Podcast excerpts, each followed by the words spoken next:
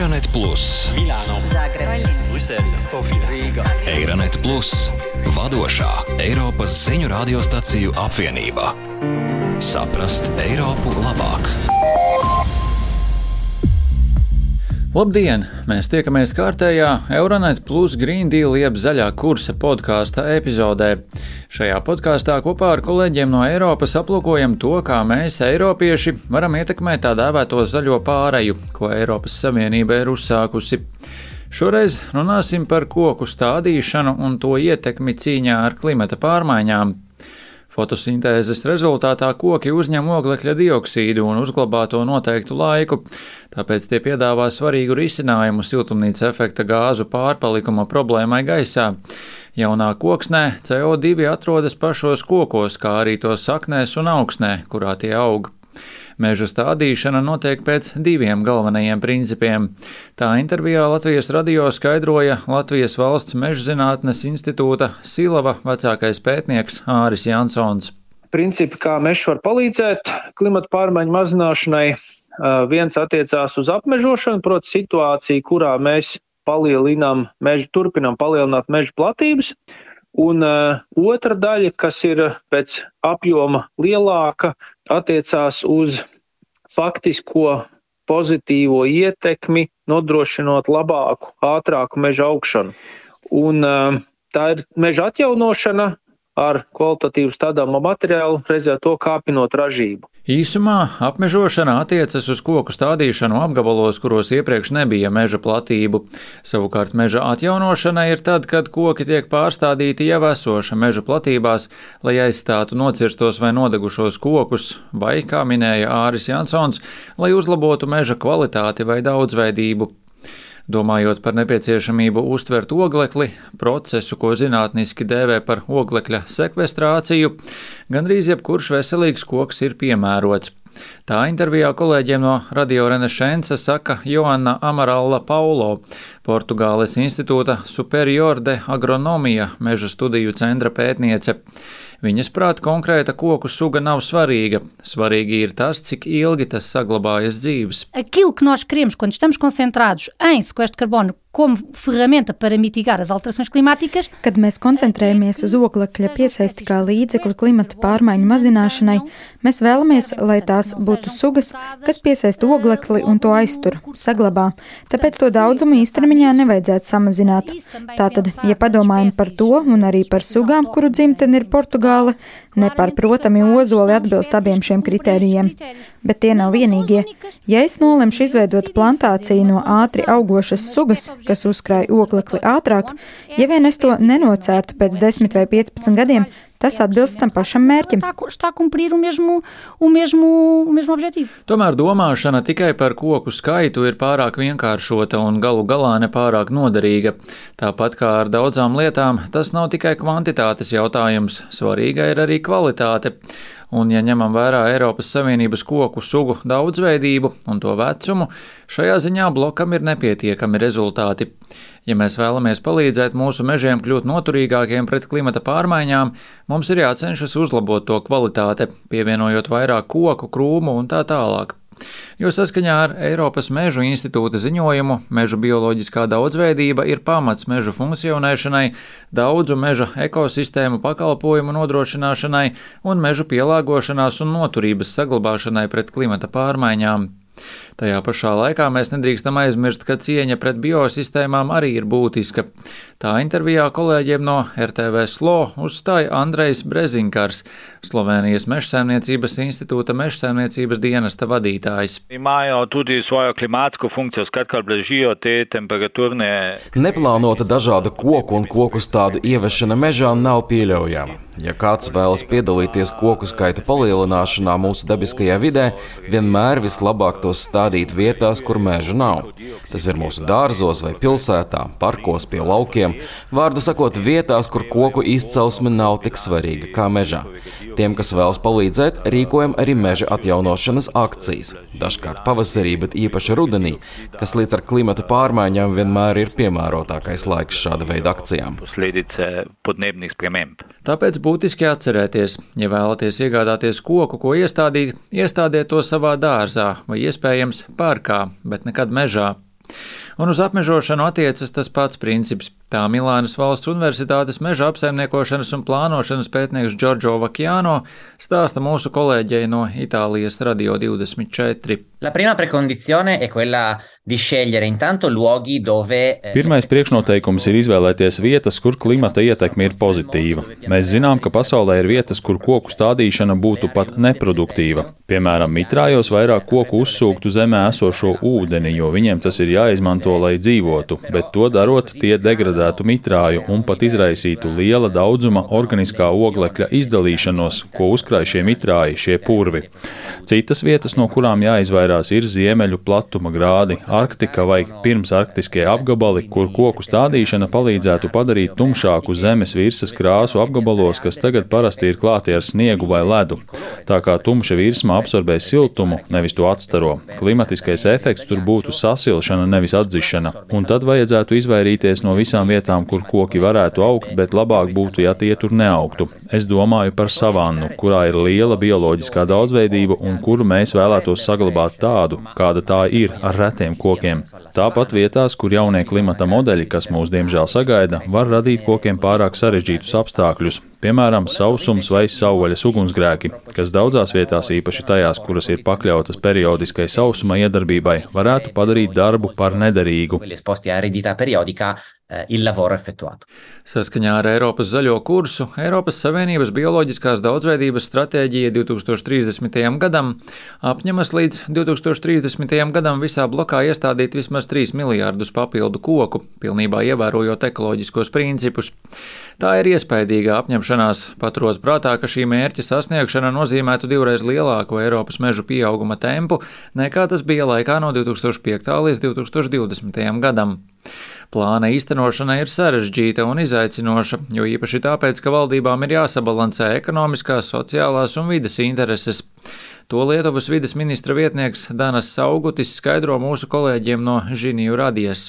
Iššūkiai be abejonės kyla ir pats nacionalinis miškų susitarimo. Ir trīs klasiskie pilāri - ekoloģiskais, ekonomiskais un sociālais, un šie pilāri noteiktos gadījumos konkurē savā starpā. Ekoloģiskais un sociālais konkurē retāk, taču ik pa laikam tā ir. Bet, protams, ekonomiskais un sociālais bieži sacenšas.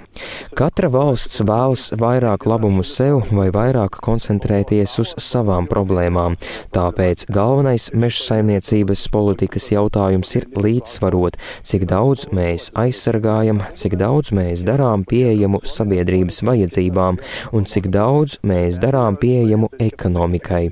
Jāsaka, ka visi meži kādā savas dzīves posmā sniedz ieguldījumu visos trīs pilāros. Citiem vārdiem sakot, meži, kas audzēti peļņas gūšanai, mums ir arī vieta, kur pavadīt laiku un kas arī satur bioloģisko daudzveidību. Tātad visi trīs pilāri ir svarīgi.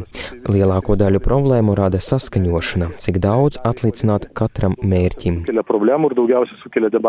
To pašu mēs dzirdam arī no Andreja Brezinkara, Slovenijas mežsaimniecības institūta eksperta. Tā akcija Eiropas komisija 3 miljārdi drevējus do leta 20. Šī Eiropas komisijas rīcība 3 miljārda koku līdz 2030. gadam ir viens no nozīmīgākajiem veidiem, kā palielināt koku skaitu mūsu dabiskajā vidē.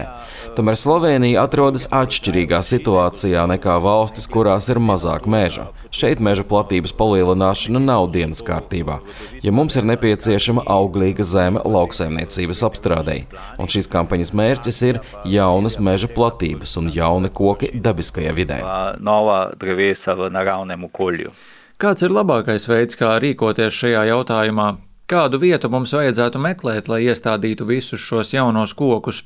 Kolēģi no Igaunijas Kuku radio uzklausīja dažus ieteikumus no Tartu Universitātes ekoloģijas profesores Avelīnas Helmas. Mis on täna Eestist puudu, on just selline looduskaitseline. Pirmkārt, mums ir jāidentificē apgabali, kur koku stādīšana patiešām ir nepieciešama, kur koku pašlaik ir maz. Piemēram, lielas atklātas lauksaimniecības ainavas, kas varētu gūt labumu no lielāka koku pārklājuma, pilsētu nomales, un pat pilsētās ir pietiekami daudz vietas kokiem.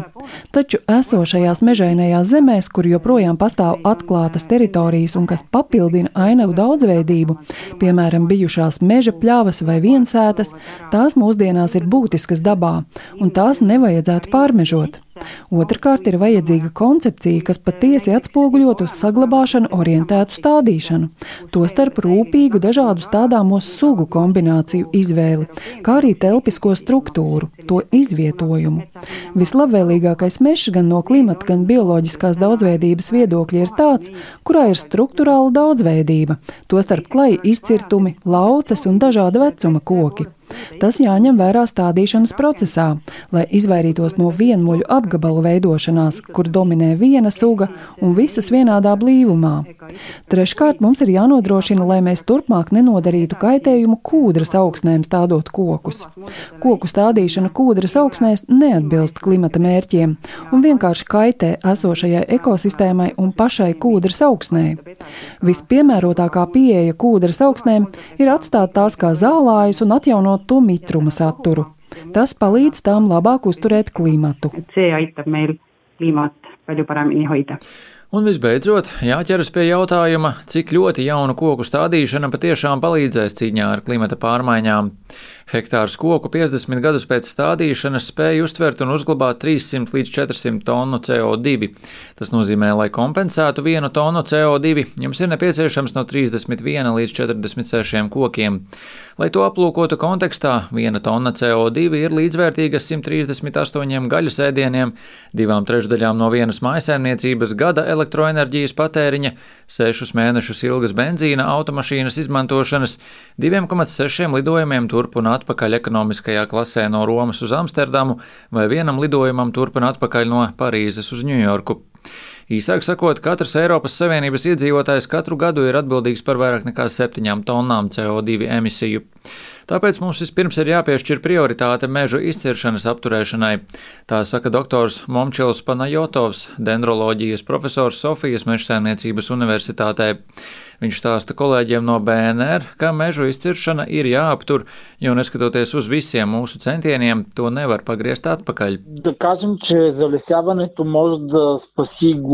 Teikt, ka meža atjaunošana var glābt globālo klimatu, ir nedaudz nepareizi. Vienkārši tāpēc, ka globālā līmenī ir daudz analīžu, kas liecina, ka mēs zaudējam meža biotopus ātrāk nekā spējam tos atjaunot. Citiem vārdiem sakot, vienalga, cik daudz mēs atjaunojam mežus, neatkarīgi no tā, cik daudz mēs cenšamies radīt jaunus mežus, problēma joprojām pastāv. Tiek iznīcināts ar vien vairāk mežu. Globālā mērogā mēs nevaram mainīt šo tendenci. Tomēr ir viena lieta, kas mums ir jāapzinās. Globālais konteksts atšķiras no vietējiem risinājumiem. Es nesaku, ka jāatsakās no koku stādīšanas. Gluži otrādi, mums vajag ar vien vairāk mežu, īpaši ar apmežošanu, lai spētu apmierināt ar vien pieaugušo pieprasījumu pēc koksnes. Un jo vairāk mēs nespēsim tikt līdzi, jo lielāku spiedienu mēs izdarīsim uz mežiem, piemēram, kalnu reģionos.